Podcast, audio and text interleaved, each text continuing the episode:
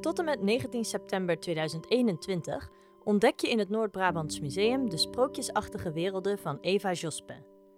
Met simpel bruin karton creëert Jospin indrukwekkende, monumentale installaties. Je waant je in een wereld vol bomen, struiken en fantasierijke bouwsels die een mysterieuze sfeer oproepen. Het werk van de internationaal reizende ster is voor het eerst te zien in Nederland. Het Noord-Brabants Museum organiseert daarnaast, in samenwerking met literair productiehuis De Nieuwe Oost Wintertuin, een schrijfwedstrijd. Met de naam Woordkunstenaars gezocht.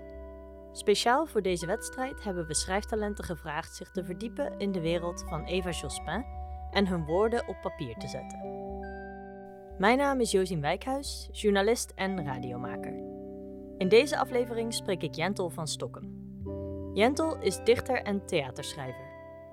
Van haar kwam onlangs de bundel Ik zeg Emily uit en zij maakte een gedicht bij Eva Jospins werk Nymphes.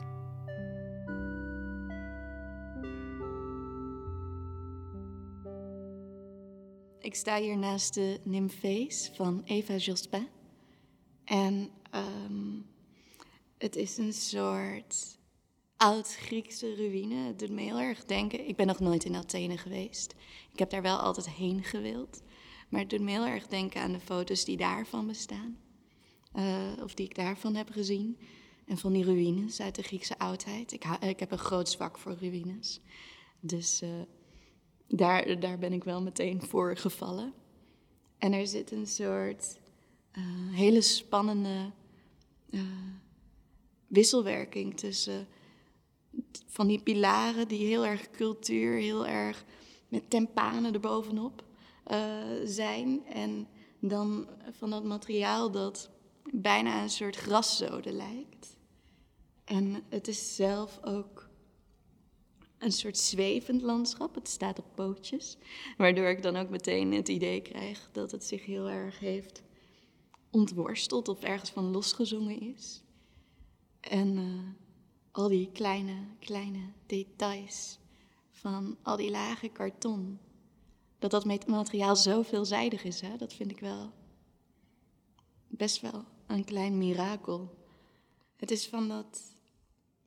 Het, is, het bestaat uit allemaal lagen karton die bijna samengeperst lijken, waardoor ze ook een reliefachtige structuur krijgen. En aan de ene kant is het heel secuur gesneden en dan weer heel grof. Dus er zit heel erg die wisselwerking in het werk tussen dat soort van illepieterige, gedetailleerd, bijna scalpelwerk van snijden. En dan weer gewoon, weet ik veel, met een kapmes of zo. Nee. maar dan opeens met een heel grof geschut een lijn hebben gezet. En er zit ook iets heel geks in dat er dan opeens van ijzerdraad zo constructies tussendoor spelen. Het ene lijkt zo'n klein koepeltempeltje. En het andere lijkt wel het gewelf van een kathedraal zo. Met uh, zo'n booggewelf. Zo boog naar boog naar boog. Die dan zo door heel tenger draad aan elkaar verbonden zijn.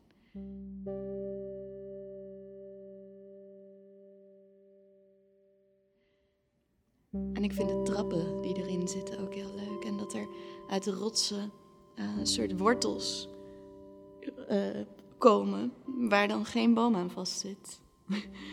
maar die hangen daar gewoon. Maar het is ook geen klimop. Het zijn daadwerkelijk wortelstructuren, maar daardoor voelt het ook alsof het zich een soort van uit de grond heeft getrokken. En dit is het enige wat er nog over van is. En het heet Nymphes, waardoor ik dacht.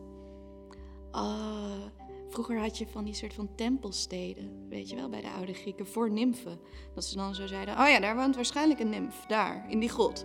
Kom, we gaan hem een heel klein beetje mooier maken dan hij was. Een heel klein beetje oppimpen, misschien een altaartje erbij zetten en zo nu en dan iets voor ze offeren, zodat ze niet een of andere jongeling gaan verleiden of zoiets.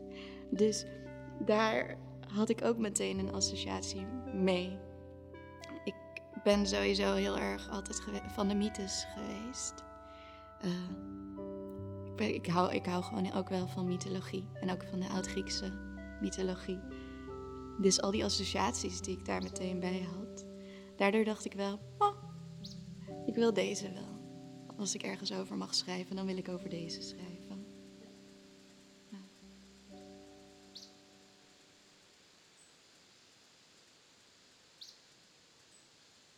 Wacht, waarom zou ik niet bij het kerven beginnen? Precies in een plooi bijvoorbeeld, compleet in lijn met de potentie van al mijn materiaal.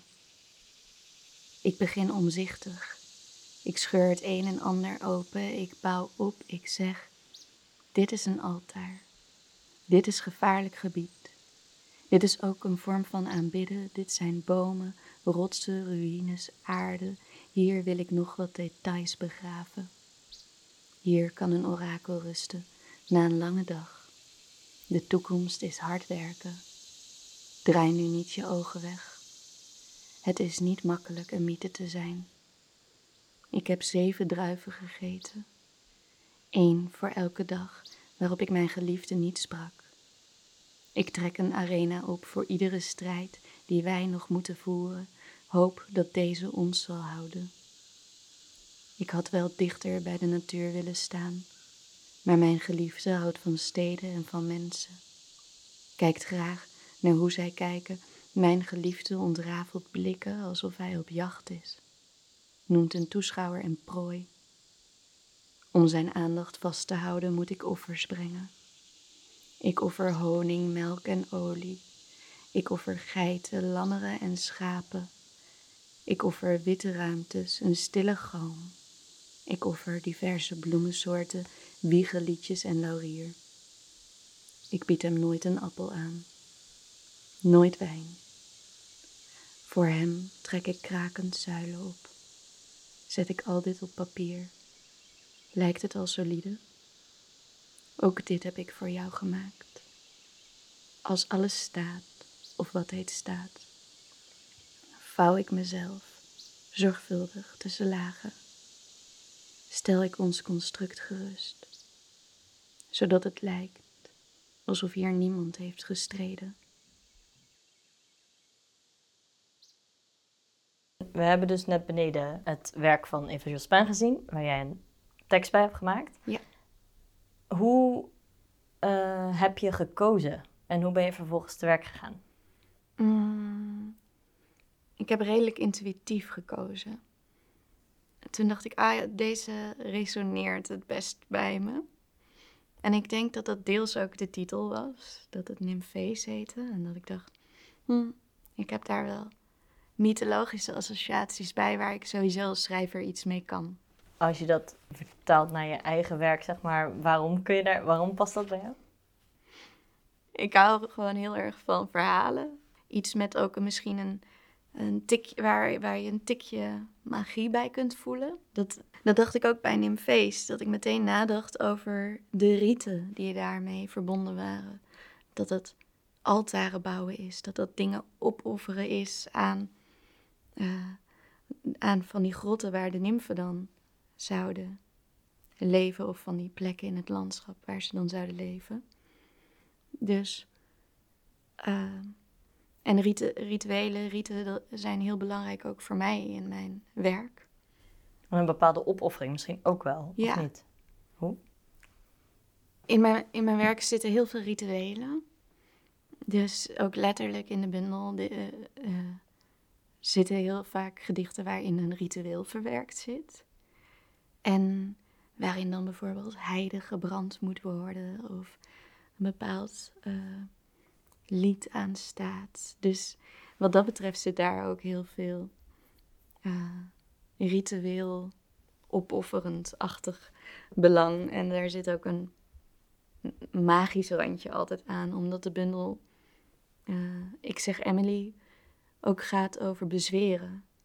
En ook gaat over uh, de potentie van bezeten zijn door iemand.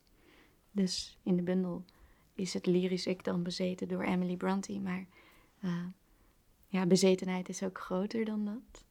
En die ik geeft zichzelf ook aan die geest. Als dat geen offer is, dan weet ik het ook niet meer. Hier heb je mijn lichaam, alsjeblieft, doe maar. Eh, dat zit daar wel echt in. En ik denk dat ik dat ook wel een beetje voelde bij dit werk. Dat ik dacht, oh, het is heel leeg van mensen, maar ik kan me heel goed voorstellen dat daar het een en ander is bezworen. Bij de gehele expositie, wat was je gevoel daarbij?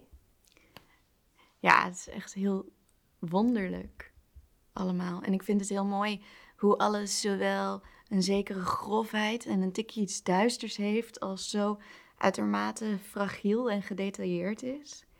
Uh, ik vond dat heel erg spannend.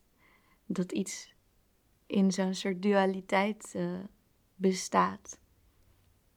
Ja, dat heeft me echt wel erg gefascineerd bij het lopen door de zaal. En ook die hang naar de details.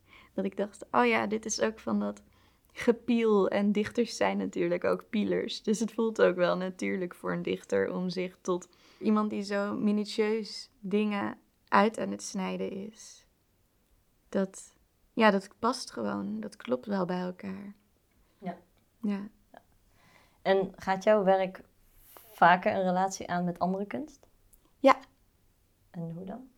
Ehm, ja, dat, ik, ik hou daar ook van. Ik hou, hou ervan om die relatie op te zoeken. Ik bedoel, ik geloof heel erg in het feit dat ik niet op mezelf sta. En dat ik in een langere traditie sta van andere kunstenaars en andere makers en überhaupt andere mensen die dingen hebben gemaakt en gezegd. Ik vind het leuk om te reflecteren op het werk van een ander door middel van poëzie.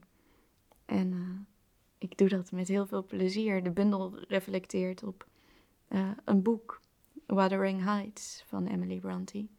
En uh, staat daar enorm hard in relatie toe. En het biedt me ook wat. Het biedt me een plek om vrij te kunnen gaan spelen. Terwijl het is alsof iemand me anders zou neerzetten bij het lege vel papier en zou zeggen: Is goed, ga maar schrijven. En dat ik dan zou denken: Wat? En dat ik het dan over alles mag hebben? Echt alles? Terwijl nu is het: Is goed, ga maar schrijven. Je hebt hier de volgende bouwstenen. Ja, en als je nou zo'n zo'n bouwsteen, zoals je het net noemde, of zo'n kunstwerk krijgt, hoe ga je vervolgens aan de gang daarmee? Zeg maar, is dat, uh, ga je er eerst heel lang naar kijken bijvoorbeeld? Of hoe? Ja, ik heb er eerst heel lang naar gekeken. En um, toen wist ik heel lang niet wat ik moest doen ermee. Want ik had het wel gekozen vanuit associaties. Maar ik had geen enkel idee wat ik er vervolgens mee moest. Dus toen heb ik heel lang niet eraan geschreven. En vervolgens was ik aan het hardlopen.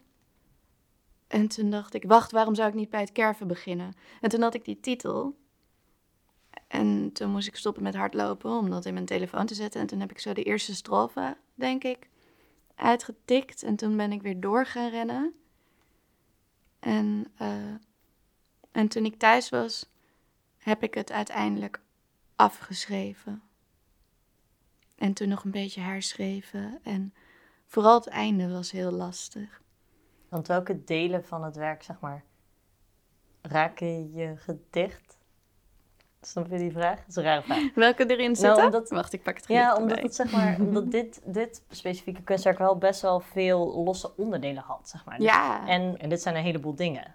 Dus dat is wel... Ja, ja, maar dat was ook leuk, want daarmee kon ik ook spelen in het gedicht. Dus opeens, ik begon dan met die regel, wacht, waarom zou ik niet bij het kerven beginnen? En toen dacht ik, oh ja, dan hebben we dat materiaal, ehm, daar kan ik ook iets mee. En uh, toen moest ik denken aan al die soort van altaarachtige elementjes die erin zaten. Die ruïnes zitten erin, het hele rotsenlandschap zit erin. Um, en ook die arena. Of dat theater.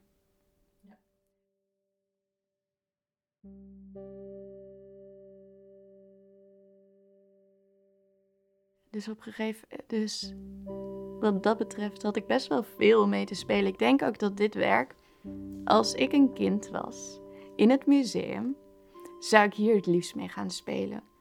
Omdat je er verhalen in kunt gaan bouwen En ik denk bij sommige van de werken dat ik dan maar één of twee verhalen zou kunnen verzinnen. Maar hier zou ik er denk ik wel dertig of zoiets uit kunnen halen. Zo in de eerste paar uur dat je er zit.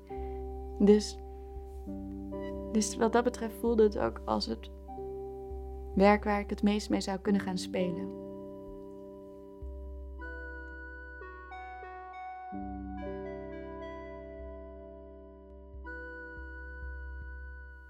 Dankjewel voor het luisteren.